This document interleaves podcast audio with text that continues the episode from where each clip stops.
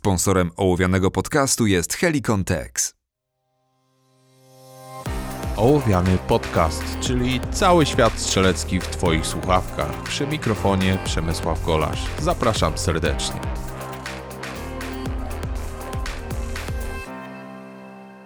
Witajcie w 44. odcinku Ołowianego po wakacyjnej przerwie. Była to taka przerwa dwutygodniowa, przez dwa tygodnie nie było nowych audycji. Nie martwcie się, ołowiany ma się dobrze i wracamy do regularnego nadawania. Wracam do takiego publikowania, do którego byliście przyzwyczajeni, czyli odcinek będzie się pojawiał w niedzielę wieczorem do odsłuchania, albo jeżeli macie ochotę od razu w niedzielę wieczorem, albo w ciągu kolejnego tygodnia. Będą oczywiście dodatkowe odcinki, takie jak te, które pojawiały się czasie wakacyjnym przed tym okresem mojego urlopu, czyli tej przerwy, ale tak czy inaczej będzie się działo. Przede wszystkim dużo się działo w czasie, kiedy nie było ołowianego, poza tym, że chwilę postanowiłem odpocząć razem z rodziną.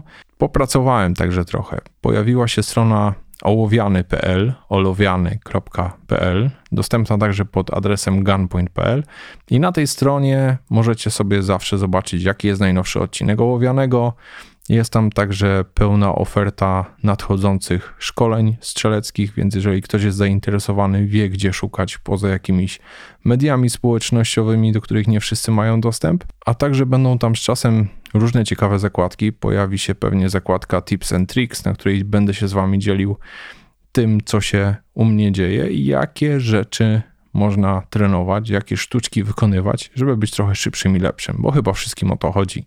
Czasami wklejam te informacje na Instagramie, więc zapraszam Was także na mój profil na Instagramie i na profil e, Gunpointa na Facebooku. To są te trzy media, które w tej chwili jeszcze jakoś prowadzę, staram się przynajmniej. Zaglądam na nie częściej lub rzadziej, ale na pewno będzie się tam coś działo.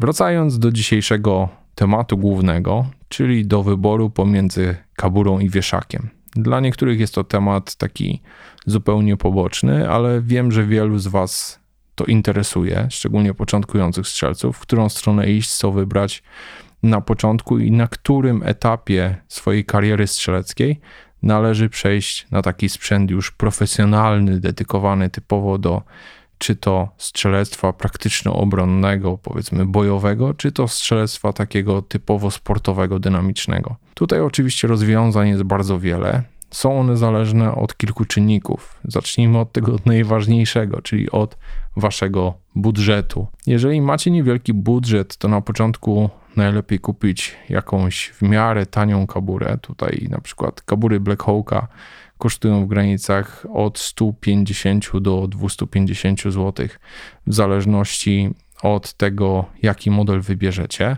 Ja bardzo lubię osobiście kabury Black Hawka, e, zarówno do zastosowań sportowych, jeżeli chodzi o stare modele Serpy Sportstera Standarda, czyli te modele, które nie miały tego przycisku, jeżeli chodzi o zwalnianie, były to kabury level 1, jednak były tworzone z ekstremalnie wytrzymałego polimeru. Tam po prostu można zrobić tysiące, jak nie dziesiątki tysięcy dobyć i nie zauważyć, że zupełnie cokolwiek z tą kaburą się dzieje. Dla porównania na przykład kabury Ghosta, e, firmy specjalizującej się w kaburach takich e, do strzelectwa dynamicznego, zdarzało mi się bardzo szybko niszczyć. Także kobury Ghosta na przykład nie spodobały mi się, jeżeli chodzi o wykonanie niektórych elementów. Niektóre zawieszenia, niektóre montaże wyglądały jakby były odlane w garażu u pana Cześka, a nie w jakiejś profesjonalnej firmie, która ma swoją renomę.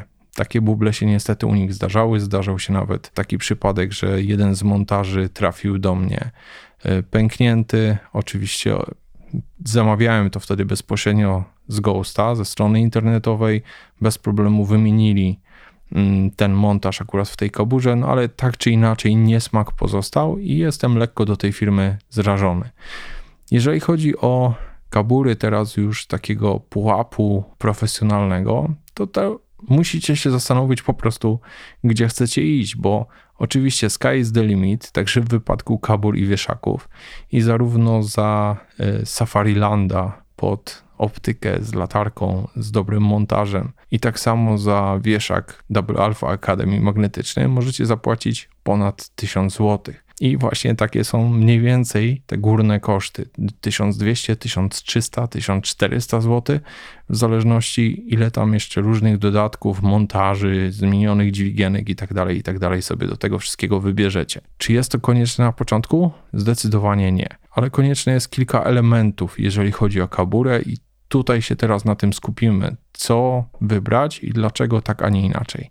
Przede wszystkim musicie być w stanie ustanowić właściwy chwyt na swoim pistolecie w momencie, kiedy jeszcze on znajduje się w kaburze, zarówno pod kabłonkiem języka spustowego, jak i jeżeli chodzi o tylną krawędź, tylną powierzchnię chwytu pistoletowego bezpośrednio pod pracującym zamkiem. E, bardzo ważna jest także przestrzeń dla waszego kciuka.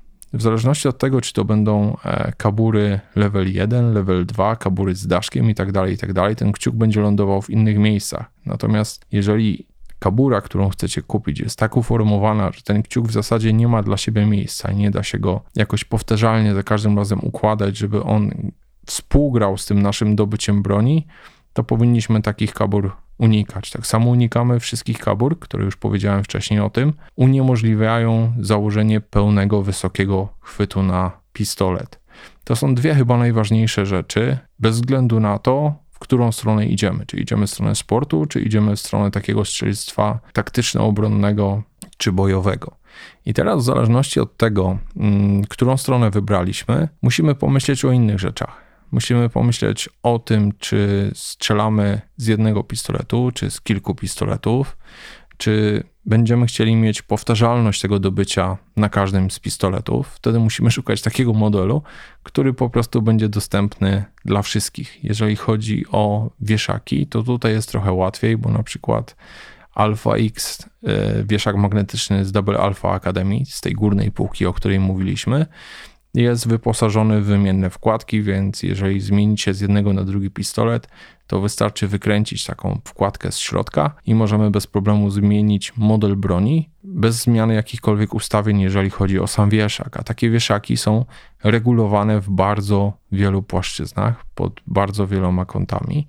I jedyne, co Was wtedy ogranicza, to przepisy, jeżeli chodzi o daną klasę sprzętową, w której będziecie startować. Moim podstawowym założeniem stworzenia tego odcinka było to, aby porozmawiać sobie o czasach, bo wielokrotnie od Was dostaję pytania, jak bardzo kabura ogranicza strzelca, jeżeli chodzi o czas dobycia broni. Wiem, że jest to jeden z tych mitycznych elementów, o którym cały czas się rozmawia. Oczywiście czas dobycia jest bardzo ważny i to zarówno bardzo ważny jest czas dobycia w sporcie, jak i w strzelectwie takim praktycznym, obronnym czy bojowym. Ale jeżeli teraz pominiemy te kabury mm, concealed noszone przy ciele, ponieważ tutaj bardzo duży wpływ na to, jaki jest czas dobycia ma nie tylko sama kabura, ale także ubranie, które na sobie nosicie, więc po raz kolejny wchodzimy w jakiś temat rzekę, który może będzie tematem jednego z kolejnych odcinków, ale dzisiaj porozmawiajmy sobie o takich typowych kaburach zewnętrznych. Więc jeżeli chodzi o przeskok graniczny pomiędzy kaburą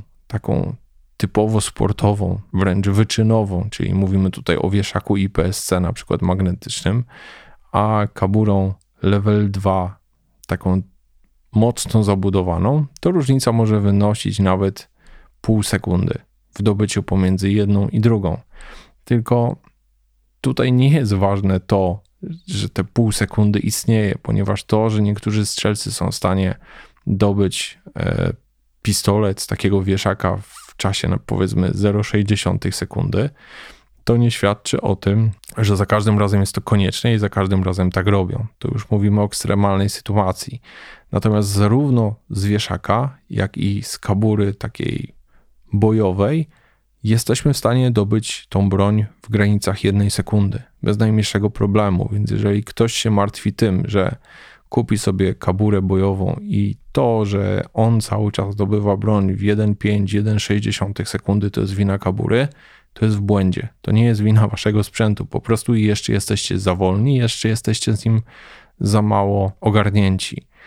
Natomiast jeżeli potem już chcesz iść bardzo nisko, na przykład z kaburą z górnym daszkiem, to rzeczywiście kabura może Was zacząć ograniczać. Szczególnie jeżeli mówimy o, tutaj o górnych daszkach działających sprężynowo, ponieważ niektóre z nich mają takie opóźnienie, że nie przeskoczysz pewnego czasu.